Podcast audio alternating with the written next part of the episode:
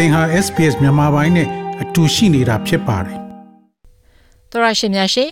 ယူကရိန်းနိုင်ငံမှာရုရှားစစ်သားတအူးဟာစစ်ရာဇဝမှုကျူးလွန်နေဆိုပြီးတော့ရုံးတင်စစ်ဆေးခံနေရပြီးဒါဟာပထမဆုံးအကြိမ်ဖြစ်ပါတယ်။ရုရှားစစ်သားတွေအနေနဲ့စစ်ရာဇဝမှုထောင်နဲ့ချီကျူးလွန်နိုင်တယ်လို့လည်းယူကရိန်းဘက်ကပြောဆိုထားပါတယ်။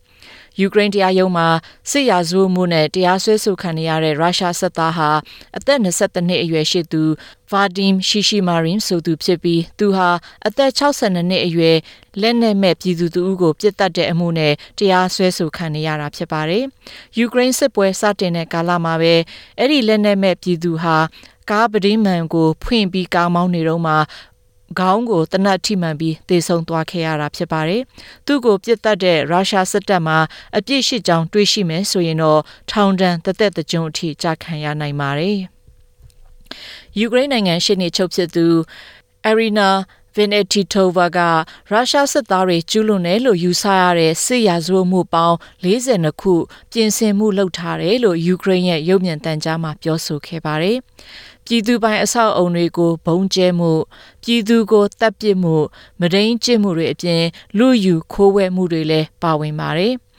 ရုရှားဘက်ကတော့ပြည်သူကိုပြစ်မှတ်ထားခြင်းမပြုရဘူးလို့ညင်းဆိုထားပြီးစစ်ရာဇဝတ်မှုနဲ့ဆက်ဆက်ပြီးသူတို့ရဲ့စစ်သားရုံးတင်စစ်ဆေးခံနေရတဲ့ကိစ္စမှာတော့ဘာမှမှတ်ချက်ပြုခြင်းမရှိခဲ့ပါဘူး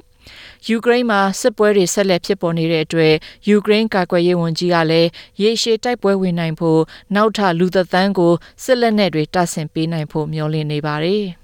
။ယူကရိန်းသမ္မတဗလိုဒီမီဇယ်လန်စကီက မာရီပိုမြို့စတီးဆက်ရုံမှာပိတ်မိနေတဲ့ကျန်းမာရေးလုပ်သားတွေနဲ့ဒဏ်ရာရတဲ့တော်လန်ရေးသမားတွေကိုကယ်ထုတ်နိုင်ဖို့ပြောဆိုဆွေးနွေးမှုတွေလုပ်နေကြတော့မယ်လို့ဆိုပါတယ်။ညစဉ်ရုပ်မြင်သံကြားမှာမိခွန်းတွေပြောတဲ့အခါမှာရုရှားဘက်ကလည်းထိခိုက်နှိနာမှုတွေများရတဲ့အကြောင်းယူကရိန်းသမ္မတကအခုလိုပြောပါတယ်။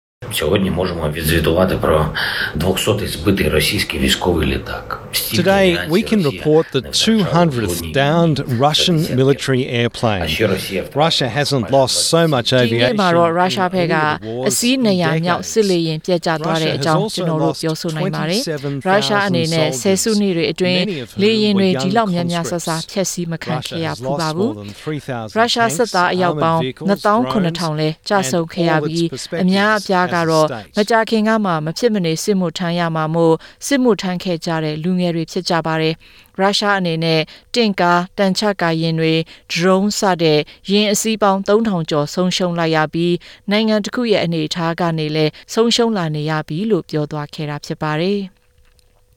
ယူကရိန်းစစ်တပ်ကထုတ်ပြန်တဲ့ဗီဒီယိုအရဒေါန်ဘတ်ဒေသကမြစ်တစ်ခုမှာရုရှားစစ်သားတွေတိစောက်နေတဲ့တရားကိုယူကရိန်းစစ်တပ်ကလက်နက်ကြီးနဲ့ဖျက်ဆီးလိုက်တဲ့ပုံကိုပြသထားပါတယ်။အခုလောလောဆယ်ရုရှားစစ်သားတွေဟာယူကရိန်းဘက်ကတိုက်ခိုက်မှုတွေကြောင့်ယူကရိန်းနိုင်ငံအရှေ့ဘက်ပိုင်းမှာအားဖြည့်ထိုးစစ်ဆင်မှုတွေလှုပ်ဆောင်နေတဲ့အနေအထားမှာရှိပါတယ်။ယူကရိန်းတပ်တွေဟာ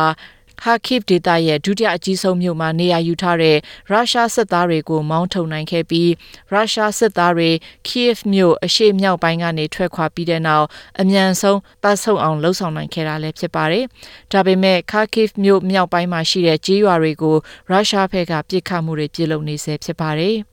အဲ့ဒီနေရာနဲ့10ကီလိုမီတာသာဝေးကွာတဲ့နေရာမှာတော့ကယ်ဆယ်ရေးပစ္စည်းတွေဝေငှရမှာအသုံးပြုတဲ့ယဉ်ကျေးမှုစင်တာကိုညတုန်းကရုရှားဘက်ကနေဖျက်ဆီးလိုက်ပြီလို့သိရပါတယ်။ဂျာမနီဝန်ကြီးချုပ်အိုလဖ်ရှူလ်ကယူကရိန်းနဲ့အပြစ်ခါရဆဲရေးရယူဖို့ရုရှားသမ္မတဗလာဒီမီယာပူတင်ကိုတိုက်တွန်းမှုလုပ်ထားတယ်လို့ပြောပါတယ်။ Es ist wichtig, dass gesprochen wird, aber es ist auch wichtig, dass man völlig klar ist. Und deshalb It's important that there are talks, but it's also important to be completely clear. And that's why it's important to me in these talks, first of all, to make it clear what the situation is. And the situation is that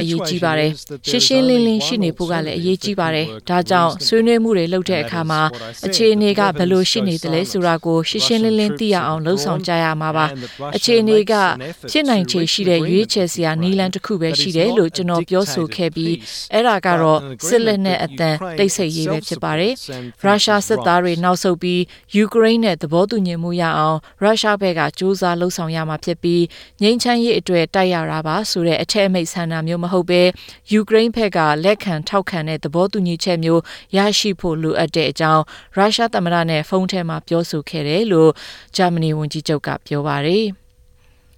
American ကာကွယ်ရေးဝန်ကြီး Lloyd Austin ကလည်းချက်ချင်းအပြစ်ခါရဆဲမှုလုပ်ဖို့ရုရှားကာကွယ်ရေးဝန်ကြီး Sergei Shoigu နဲ့ဖုန်းပြောတဲ့အခါမှာတိုက်တွန်းမှုလုပ်ခဲ့တယ်လို့ဆိုပါတယ်။ရုရှားနဲ့ဂျာမနီခေါင်းဆောင်တွေအကြားမတ်လကစပြီးပထမဆုံးအကြိမ်ဖုန်းပြောကြတာဖြစ်ပြီးရုရှားနဲ့အမေရိကန်ကာကွယ်ရေးဝန်ကြီးတွေအကြားယူကရိန်းစစ်စတင်တဲ့ဖေဖော်ဝါရီလကစပြီးတော့ပထမဆုံးအကြိမ်ဖုန်းပြောခဲ့ကြတာဖြစ်ပါတယ်။ American Pentagon စစ်ဌာနရဲ့သတင်းထုတ်ပြန်ရေးအကြီးအကဲ John Kirby ကတော့ဖုန်းခေါ်ဆိုမှုအသေးစိတ်ကိုဖော်ပြထားပြီးယူကရိန်းမှာဖြစ်နေတဲ့စစ်ကဥရောပရဲ့လုံခြုံရေးမှာအပြောင်းအလဲတွေဖြစ်စေပြီလို့ပြောပါတယ်။ The Secretary knows that the security environment has now changed based on what Mr. Putin has done. So we expect that, that we're going to have to take a look at the at the permanent American ကာကွယ်ရေးဝန်ကြီးကတော့ Mr. Putin ရဲ့လောက်ရကြောင်းလုံခြုံရေးအခြေအနေအပြောင်းလဲဖြစ်လာနေပြီဆိုတာသိပါတယ်။ဒါကြောင့်ဥရောပမှာကျွန်တော်တို့အမြဲတမ်းအခြေချရေးလုပ်ဖို့စဉ်းစားလာနေရပြီးအနာဂတ်အတွက်လေးလာဆန်းစစ်မှုတွေလှုပ်ဆောင်ရမှာဖြစ်ပါတယ်။ဒါပေမဲ့အခုလောလောဆယ်မှာတော့ဘာလားလာမှမရှိသေးဘူးလို့ပြောသွားခဲ့ပါတယ်။ ကုလသမဂ္ဂရဲ့အဆိုအရယူကရိန်းနိုင်ငံမှာလူသားချင်းစာနာမှုအကူအညီရယူသူလူပေါင်း6.4တန်းရှိတယ်လို့အထွေထွေအတွင်းရေးမှူးရဲ့ပြောခွင့်ရသူ Farham Haq ကပြောပါတယ်။ On the humanitarian side, our colleagues tell us that more than 6.4 million people have been reached in Ukraine with vital assistance since the war started on the 24th of February. လူသားချင်းစာနာထောက်ထားရေးအပိုင်းမှာတော့ကျွန်တော်တို့ရဲ့လုပ်ပေါ်ကိုင်မဲ့တွေရဲ့ပြောပြချက်အရ